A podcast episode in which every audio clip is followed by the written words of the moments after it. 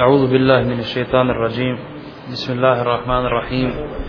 الحمد لله حمدا لا ينفد. أفضل ما ينبغي أن يحمد. وصلى الله وسلم على أفضل المصطفين محمد صلى الله عليه وسلم وعلى آله وأصحابه ومن تعبد. وبعد السلام عليكم ورحمة الله وبركاته.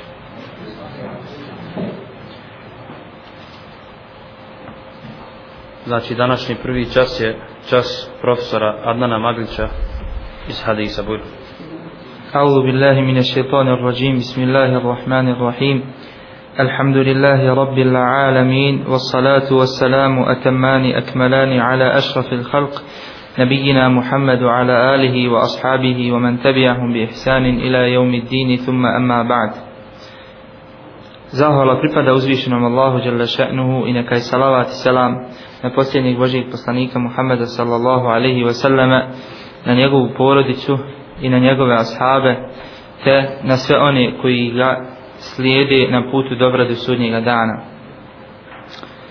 Hvala uzvišenom Allahu Đelešanuhu koji nas je danas okupio na ovom barećem mjestu da zajedno sjedimo i da se podsjećamo, da podsjećamo jedni druge, da pokušamo da se okoristimo i da nešto novo, novo naučimo i molim Allaha subhanahu wa ta'ala da e, ovo bude jedan od povoda zbog kojih će nam uzvišnji Allah Đalešanu oprostiti grijehe i e, sve nas ovako zajednički sakupiti u džennetu sa poslanicima, sa dobrima i sa šehidima.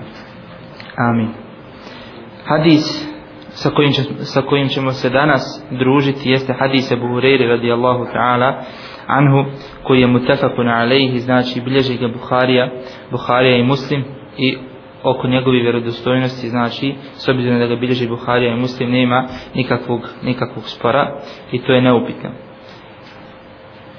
U ovom hadisu Abu Hureyre radijallahu ta'ala anhu nam prenosi savjete ili upute poslanika sallallahu alaihi wa sallame u kojima u kratkim crtama oslikava ahlak, ponašanje, moral jednog vjernika, jednog muslimana na ovom dunjalku. Daje nam smjernice najodabranije stvorenje Muhammed sallallahu alaihi wa sallam posljednji Božji poslanik kako treba da, da živi jedan, jedan musliman kako treba da priča i kako treba, kako treba da se ponaša prema drugim ljudima. Pa tako kaže poslanik sallallahu alaihi wa sallam dijeli ovaj svoj govor, znači ovaj hadis u tri dijela pa kaže u prvom dijelu Men kana yu'minu billahi wal yawmil akhir falyakul khayran aw liyasmut. Ko vjeruje u Allaha dželle i u sudnji dan neka govori dobro ili neka šuti. Dalje kaže ومن كان يؤمن بالله واليوم الآخر فليكرم جاره i onaj ko vjeruje u Allaha Đelešanuhu i sudnji dan neka ugosti ili e, neka ugosti ili neka počasti svoga svoga komšiju i u trećem dijelu hadisa kaže ومن كان يؤمن بالله واليوم الآخر فليكرم ضيفه i ko vjeruje u su u Allaha Đerlešanuhu i sudnji dan neka ugosti svoga svoga gosta. Kažemo ovaj hadis bilježi Buharija i Muslim. Mhm, dobro, hajde ponovit ćemo znači još jednom hadis, pošto se sestre vratno uh, e, su skrenule pažnje da se ne mogu stiti zapisati hadis. Znači hadis je od prenosi ga Buhureyre radijallahu ta'ala anhu, a bilježe ga imam Buharija i Muslim, znači hadis je mutafakun alejhi i E, gdje kaže poslanik alejhi salatu vesselam ko vjeruje u Allaha i sudnji dan neka govori dobro ili neka šuti. Ko vjeruje u Allaha i sudnji dan neka ugosti ili neka počasti svog komšiju. I ko vjeruje u Allaha i sudnji dan neka ugosti svoga gosta. Ibn Hajar rahmetullahi alejhi za ovaj hadis kaže da je objedinio sva plemenita sve plemenite osobine e, koje treba da ima pri sebi jedan vjernik i objedinjuje dvije e, dva segmenta u ljudskom e, životu a to su njegove riječi i njegovo ponašanje. Pa prvi dio hadisa je tako poslanik sa srlem nam govori, ukazuje nam kako to treba da, e, da šta to treba da radi naš jezik, kakav treba da bude i to je znači vezano za riječi, a drugi dio hadisa je vezan za naše ponašanje prema, prema drugim ljudima.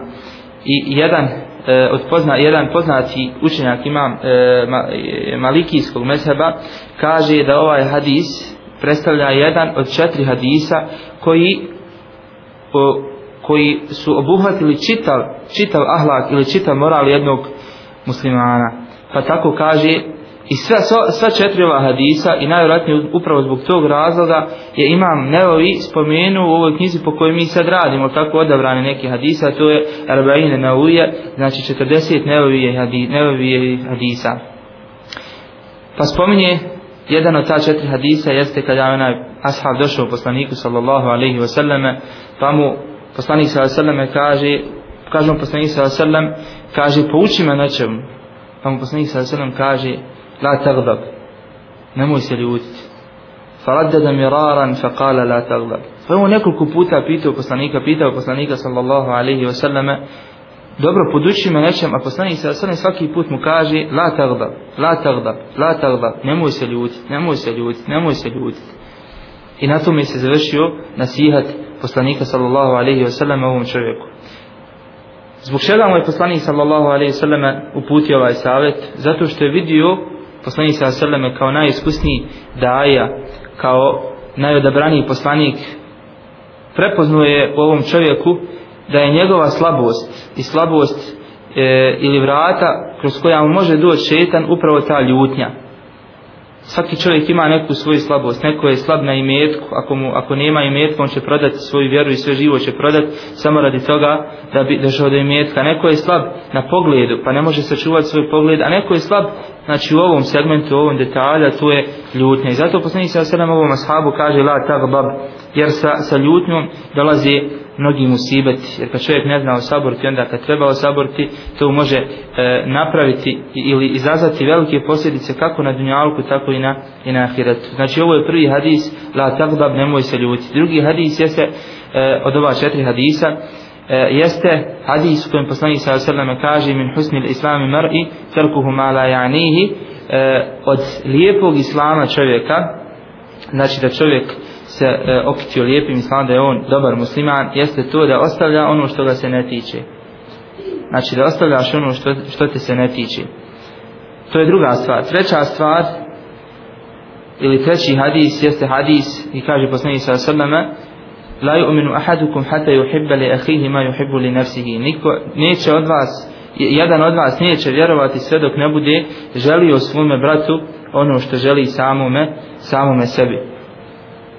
Znači to je treći hadis i svima su nam poznati oni prelijepi primjeri iz života ashaba, kako su oni ponašali jedni prema drugima, kako su jedni drugima davali tako prednost nad samim sobom, pa kada Abdurrahman ibn Auf dolazi kod onog plemenitog, plemenitog Medinelije, Ansarije, pa mu Ansarija kaže, znaš šta, ja imam dvije žene, evo ti, pogledaj koja ti se više sviđa, pa ću je, kaže, ja pustiti je ženi, imam puno imetka, pa ćemo popoloviti. Međutim, Abdurrahman ibn Auf, mu se zahvaljuje na tome i kažemo da ti Allah Đelešanu dadne svako dobro, da ti Allah Đelešanu poveća beričeti na faku, međutim ti meni reci gdje je pijaca. I Allah subhanahu wa ta'ala je dao da je Abdurrahman ibn Auf koji je bio Mekelija, koji je znači učinio hijđu u Medinu, da je poslije toga bio jedan od najbogatijih, najbogatija ashaba. Kaže se da kada bi njegova karavana sa njegovom robom dolazila u Medinu, da se Medina tresla od broja dela i broja e, robe, jel tako težine te robe koji on, koje su nosile te, te karavane. Znači to je, to je treći hadis i četvrti hadis, jeste upravo ovaj hadis sa kojim se mi večeras e, odnosno danas jel družimo, a to su e, ova tri savjeta, tako koje je poslanik sa seleme uputio Buhari radijallahu ta'ala anhu kroz ovaj, kroz ovaj hadis. Prvi savjet jeste e, men kane yu'minu billahi wal yawmil akhir falyaqul khayran aw liyasmut. Ko vjeruje u Allaha i sudnji dan, neka kaže, neka govori dobro ili neka ili neka šuti. Ovdje vidimo da nam poslanik sallallahu Ovdje vidimo da nam poslanik sallallahu alejhi ve selleme ukazuje na jednu stvar, na jednu jako bitnu stvar, a to je e, čuvanje, čuvanje jezika i da čovjek treba da obrati pažnju na to šta priča i šta prelazi, prelazi preko njegovog jezika. jer kako kaže poslanik sallallahu alejhi ve selleme Abu Zar radijallahu ta'ala anhu kaže mu čuvaj svoj jezik jer kaže zbog tog jezika će ljudi ljudi biti bacani e, na svoja lica na svoja lica u vatru. Znači u džehennemsku u džehennemsku vatru. A u drugom hadisu poslanik sallallahu alejhi kaže obećava džennet čovjeku koji sačuva dvije stvari. Ma bejne lihetehi znači ono što se nalazi između njegova, njegove dvije usne to je jezik i to je jedna stvar i druga stvar je ko sačuva svoj spolni organ. Znači ovdje vidimo da Allah Đelešanuhu odnosno poslanik sallallahu alejhi obećava takvoj osobi džennet ako sačuva ako sačuva e, ove dvije ove dvije stvari. Zatim e, jedne prilike su se ashabi požali poslaniku sallallahu alejhi ve sellem pa su rekli mu ima jedna žena kaže koja puno i posti i klanja i puno Allaha spominje. Onako sa svojom vanštinom i kaže a jedli osoba. Međutim kaže ona vrijeđa vrijeđa svoju komšinicu. Kako bi mi rekli prgava je na jeziku. Vrijeđa ljude. Ne zna osabur svašta hoće reći hoće uvrijeti poslanik sallallahu alejhi ve sellem kaže hije finnar. Kaže ona je ona je u vatri. I vidimo znači pored toga što ona i klanjala i postila i bila dobra vjernica međutim drugi ljudi drugi ljudi nisu bili mirni od njenog jezika.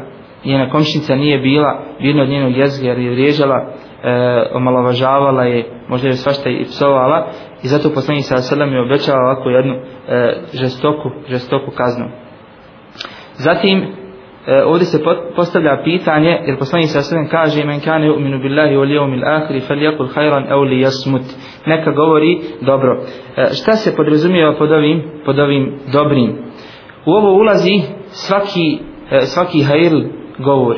Da li se znači nije nije hajli govor samo nema sumnje da je to najbolji govor govor Allaha dželle i govor poslanika sallallahu alejhi ve selleme Međutim, svaki dobar govor je i onaj govor kad ti primjer radi pokušavaš pomiriti dva muslimana ili pokušavaš olakšati svome, svome bratu muslimanu ili e, otkloniti tugu koja se nadvila nad njim. I to je znači i to je dobar govor. I čovjeka kada mu ukažeš koji si izgubio kad mu ukažeš na pravi put i to je i to je znači dobar govor prema tome ovo dobar govor je širok pojam koji obuhvata svaki haj svaku hajili djelo To je što se tiče prvog, prvog dijela hadisa. Drugi dio hadisa je poslanik sallallahu alaihi wa sallam kaže وَمَنْ كَانَ يُؤْمِنُ بِاللَّهِ وَالْيَوْمِ الْآخِرِ فَلْيُكْرِمْ جَارَهُ Kaže ko vjeruje u Allaha i sudnji dan neka uh, ugosti ili neka počasti svoga komšiju.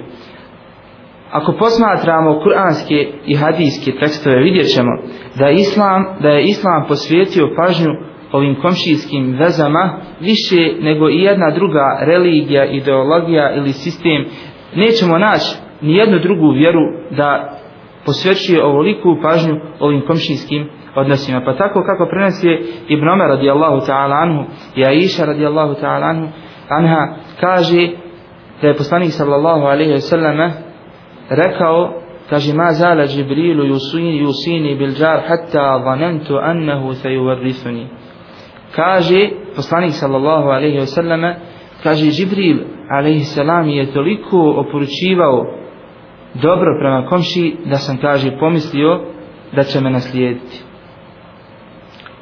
Znači toliko mi je savjetovo da budem dobra, dobar prema komšiji, da mu ne činim ništa loše da sam ja na kraju pomislio da će me da će me taj komšija zbog, mog, zbog njegovog prava kod mene zbog moje dužnosti znači prema njemu da će me on na kraju kada ja preselim naslijediti. I ovo ova stvar se dijeli taj komšiluk se dijeli na tri, tri vrste. Prvi je komšija koji je ima kod sebe dvije osobine. Prva osobina je da je musliman druga osobina je znači to da je komšija da, ti je, da je musliman i da je bližnji rod znači da ti dođe neka familija i on ima najveće pravo kod tebe. Znači, ako imaš komšiju muslimana i još ti je familija, takva osoba ima najveće pravo kod tebe. Poslije nje dolazi osoba koja je tvoj komšija i koja je musliman. Znači ima dvije osobine, znači da ti je komšija da je musliman i ona ima isto tako veliko pravo, ne kao prva skupina, ali veće pravo nego ova treća skupina koja je, ima samo jednu osobinu, a to je da ti je komšija. Znači nevjernik je, nije musliman, ali ti je komšija. I iz tog razloga si dužan, i pored toga što je nevjernik, dužan si, dužan si da budeš dobar, dobar prema njemu. Pa poznato nam je da je poslanik sallallahu alaihi wa sallam posjećivao svoje komšije, posjetio svog komšiju koji je, kojim se razbolio sin, komšija mu je bio židov, i razbolio mu se sin, i poslanik sallallahu alaihi wa sallam je otišao da posjeti tog, tog židova, to jeste da posjeti to njegovo dijete koje se, koje se razbolilo. Nije ga spriječilo to što je bio druge konfesije, nije ga spriječilo to što je bio židov, da mu ne odje u zijaret. Međutim, nije to bio zijaret tek toliko da se sjedne i da se, ne, nego je poslanik sallallahu alaihi wasallame tu priliku iskoristio i poziva to dijete koje je bilo bolesno, u stvari koje je bilo na samrtničkoj postelji, poslanik sallallahu alaihi wa ga poziva u islam, pa dijete pita, oca kaže, oče šta da radim, da li da poslušam Ebu Kasima, a to je bila kunija, to je bio nadimak kojeg su ashabi koristili kada su prizivali poslanika sa Aseleme, jer je to kod Arapa, ta, ta kunija, znači taj nadimak, to je kada dođeš čovjeka da, da, da mu ukažeš na kakvo poštovanje, zoveš ga po njegovoj kuniji, ne zoveš ga po njegovom imenu, znači po njegovom nadimku. Pa mu ovaj kaže, židov kaže, Etir Eba Kasim, poslušaj Ebu Kasima. Pa ovaj, ovaj ma, ovo dijete, znači ovaj židov mali, izgovara šehadet i nakon toga Allah subhanahu wa ta'ala šalje meleka smrti koji mu oduzima, oduzima dušu i znači u zadnjem trenutku svoga života alhamdulillah on izgovorio šahadet i onda poslanik sa selem upućuje Allah i šan zahvaljuje se što je, spasio, što je spasio ovo dijete od džahannamske vatre. Znači vidimo da je poslanik sa selem pored toga što ova osoba što je bila nevjernik poslanik sa selem mu daje njegovo pravo a to pravo je tako pravo, pravo komšije i ovo je svima nama jedan išaret, pogotovo što mi živimo u takvoj sredini gdje imamo puno jel tako, ljudi koji žive oko nas, koji su, nerijetko se susrećemo druge vjeri. To ako on druge vjeri, to ne znači da ti ne trebaš da budeš dobar prema njemu. To ako on druge vjeri, to ne znači da ti trebaš prema njemu da se ružno obhodiš. Bez obzira, ovaj židov, prenosi se u nekim predajama, dolazi da je ovaj židov kojeg je posjetio poslanik sa Seleme, godinama je zijetio poslanika sa Seleme godinama je zijetio, bacio smeće tamo gdje se poslanik sa seleme izlazi. Uglavnom pravimo je zijet, pravimo mu je probleme. Jednostavno ga je taj način pokušao i, i isprovocirati. Međutim, poslanik sa selem je ipak i pored toga osaburio i lijepo se prema njemu, prema njemu obhodio. Znači, e, ovo, ovo baš želim da podvučem, da i pored toga, pogotovo što mi živimo u takvim sredinama gdje su ljudi, pripadnici drugih religija oko nas, mi tim svojim lijepim ahlakom, svojim lijepim ponašanjem, sa osmijehom možda na licu, treba da ih privučemo i da im pokažemo sve ljepote, sve ljepote Islama. Jer ako smo ikad bili potrebni te praktične dave, potrebi smo i danas. Kad ljudi jednostavno, dosadlo im je više ovako predavanja slušati, da im ljudi pričaju, političari pričaju na televiziji, ovi pričaju ovdje, oni ovdje, međutim, gdje je dijelo? Pokažite nam na dijelu da je to stvarno tako. Lako je pričat, međutim kad, kad dođeš, kad treba da pokažeš stvarno praktičnim djelom što znači skromnost, što znači e, tvoja ljubav prema drugom čovjeku, da želiš mu dobro, da mu želiš, da ga želiš pomoć, što znači ta bratska ljubav između muslimana, gdje si brate šta ima, kako si, međutim kad zapni, kad treba stvarno da pokažeš i da potvrdiš, da udariš pečat na onu svoju bratsku ljubav, e tu, tu mi jednostavno padamo na ispit svi pričamo, mi smo braća, mi smo ovako, mi smo onako, međutim, onda kad treba da pomogneš svog brata, da mu posudiš pare ili da mu dadneš, da podijeliš sadaku, da mu dadneš pare, da ostaviš možda svoj neki rahatuk i neki svoj žitak, pa da odiješ sa svojim bratom, da mu pomogneš da obavi neki posao, e tu dolazi do izražaja stvarno je naša iskrenost i naša bratska, bratska ljubav. Ili je, ili je naša, naša bratska ljubav i naše bratstvo jednostavno postalo jedno mrtvo slovo na papiru koje ili riječ koju mi stalno izgovaramo i ponavljamo međutim e, nema tragova u našem svakodnevnom životu. Zato ja imam običaj ovako često spomenuti riječi Hasan al-Basri koji kaže Udu'u nase bi amalikum la bi alsinetikum. Kaže pozivajte i zaista stvarno je mudra izreka i mislim da smo i mi i kako danas potrebne. To je kaže pozivajte ljude svojim dijelima a ne svojim jezicima.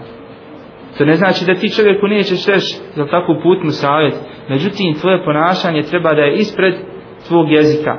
Ono što ćeš ti pričat, to će u stvari samo biti objašnjenje za tvoje lijepo ponašanje i tvoje lijepo obhođenje prema tom čovjeku kojeg si ti već, već pokazao toj osobi. Zato kažem da i ova, i ova situacija kad imamo čovjeka, komšiju koji nije musliman, treba da, da se iskoristi, da prije svega damo ono što nam je Allah subhanahu wa ta'ala naredio, da budemo dobri prema njemu. Bez obzira hoće li on to shvatiti kao dobrotu, kao nešto drugo, tebi je tvoj gospodar naredio da budeš dobar prema njemu i ti si dužan da ga ne zijetiš i da budeš dobar prema njemu, a hoće li on to cijeniti ili to neće cijeniti, tebe to ne interesi. Tebe interesi je prije svega nagrada kod Allaha subhanahu wa ta'ala iskrenost je bitna i u ovim, i ovim dijelima. Tebi je nagrada ostaje, ona ne propada, e sad je, hoće li on to prihvatiti ili neće, hoće li on možda početi razmišljati o islamu, ne, to nas ne interesi. Ako počne razmišljati, alhamdulillah, bitno je da mi uradimo ono što nam, što od nas naša vjera e, traži i zahtjeva ono što se e, što možemo ovdje spomenuti isto tako jeste da e, u drugim hadisima poslanik sa sallam u ovom u ovom hadisu poslanik sa se kaže ni e, la yu'minu ahadukum e, la man e, man kana yu'minu billahi wal yawmil akhir fal yukrim jarahu ko vjeruje Allaha i sudnji dan neka E, neka počasti ili ugosti svoga svoga komšiju da li to znači da onaj koji to ne učini da on ne vjeruje u Allaha i ne vjeruje u sudnji dan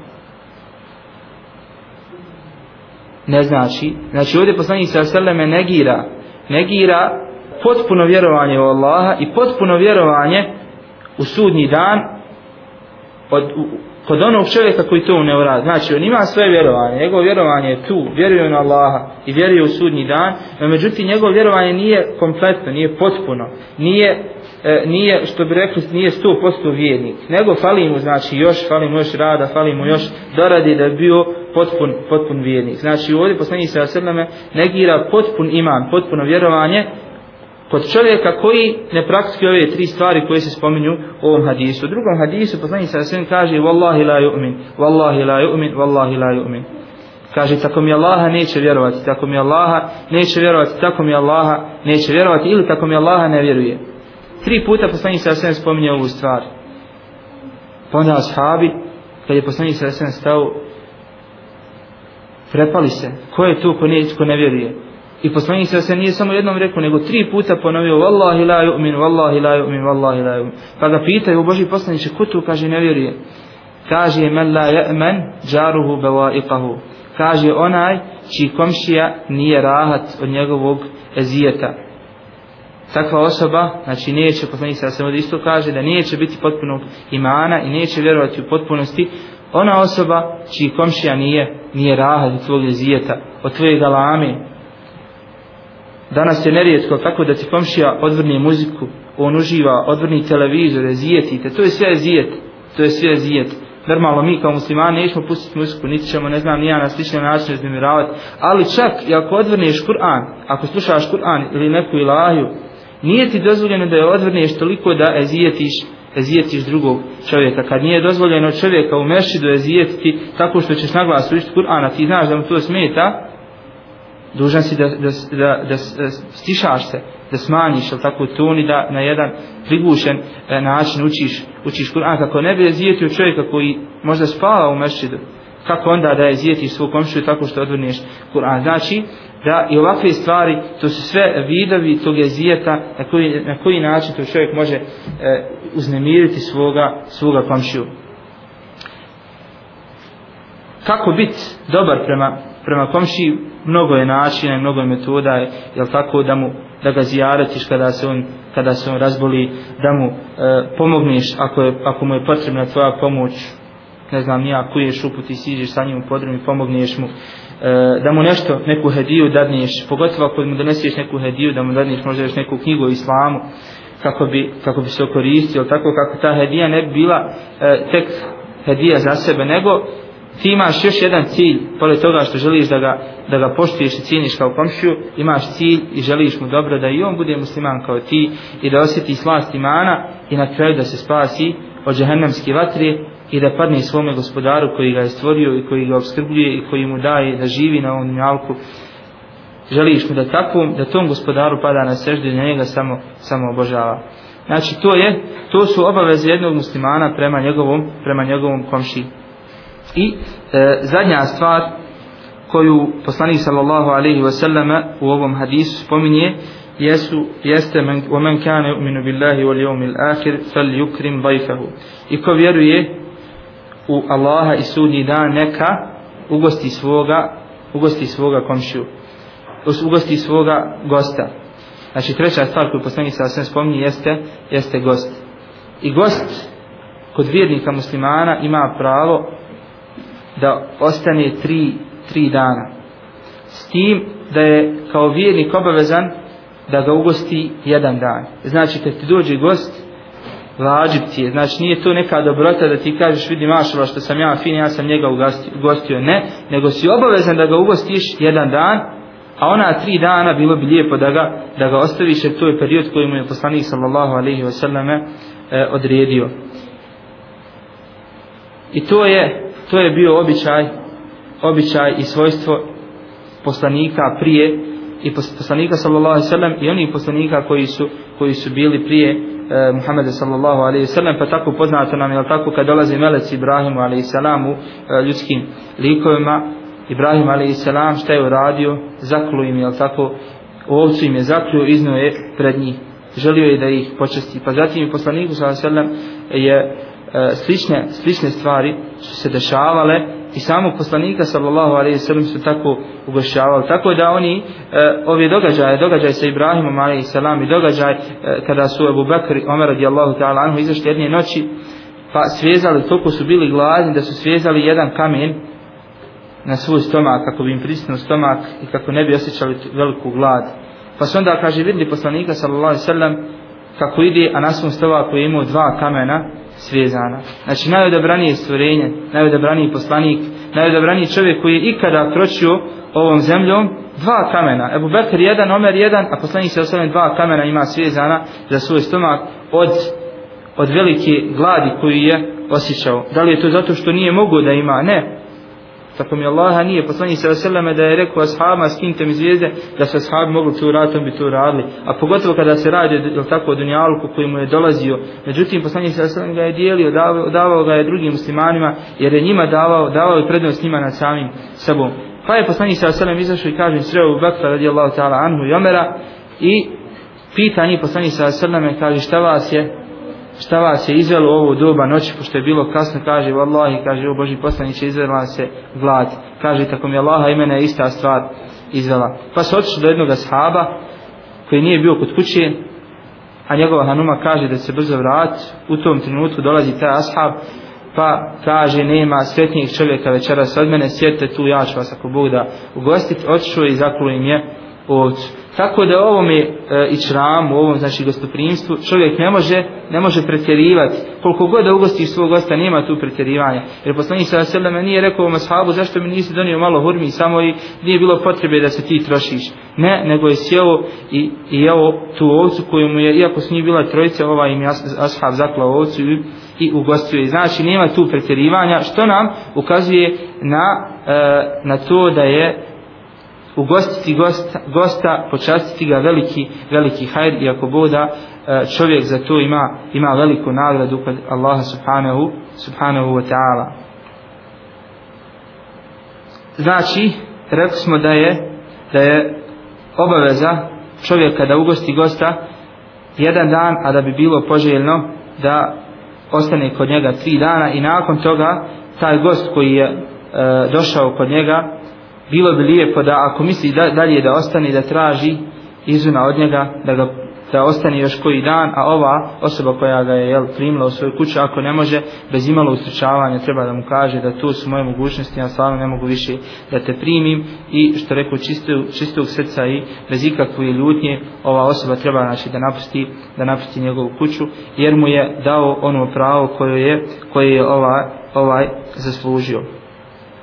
Znači ovo je bilo ukratko e, ono što je vezano vezano za ovaj za ovaj hadis za ove plemenite osobine i, i prelijepa svojstva sa kojim se treba opštiti svaki vjernik ili musliman da čuva svoj jezik da pazi šta priča da ne vrijeđa druge muslimane da gleda da onaj njegov namaz ipak ostavi nekog traga na njega. Jer Allah želešanu za namaz kaže inna salate tenha anil fahšai wal munker da namaz odvraća od ružnih dijela, od, ono- od onoga što, što ne valja. I ona osoba koja klanja, a njegov namaz ga ne odvraća od loših dijela, on i dalje ružno govori, on i dalje ne voli svog brata, prezire ga i mrzi ga, on i dalje se osjeća boljim od svoga brata, oholi se nad njim, vrijeđa svog komšću, takva osoba treba da se zapita šta je sa njenim namazom, je li njezi namaz ispravan uopšte, jer primjer kod Allaha Želešanu, jer Allah Želešanu kaže da namaz odvraća od loših dijela, pa kako to da mene moj namaz ne odvraća od loših dijela. Allahu Želešanu govori je istina, znači da je, da je greška u nama.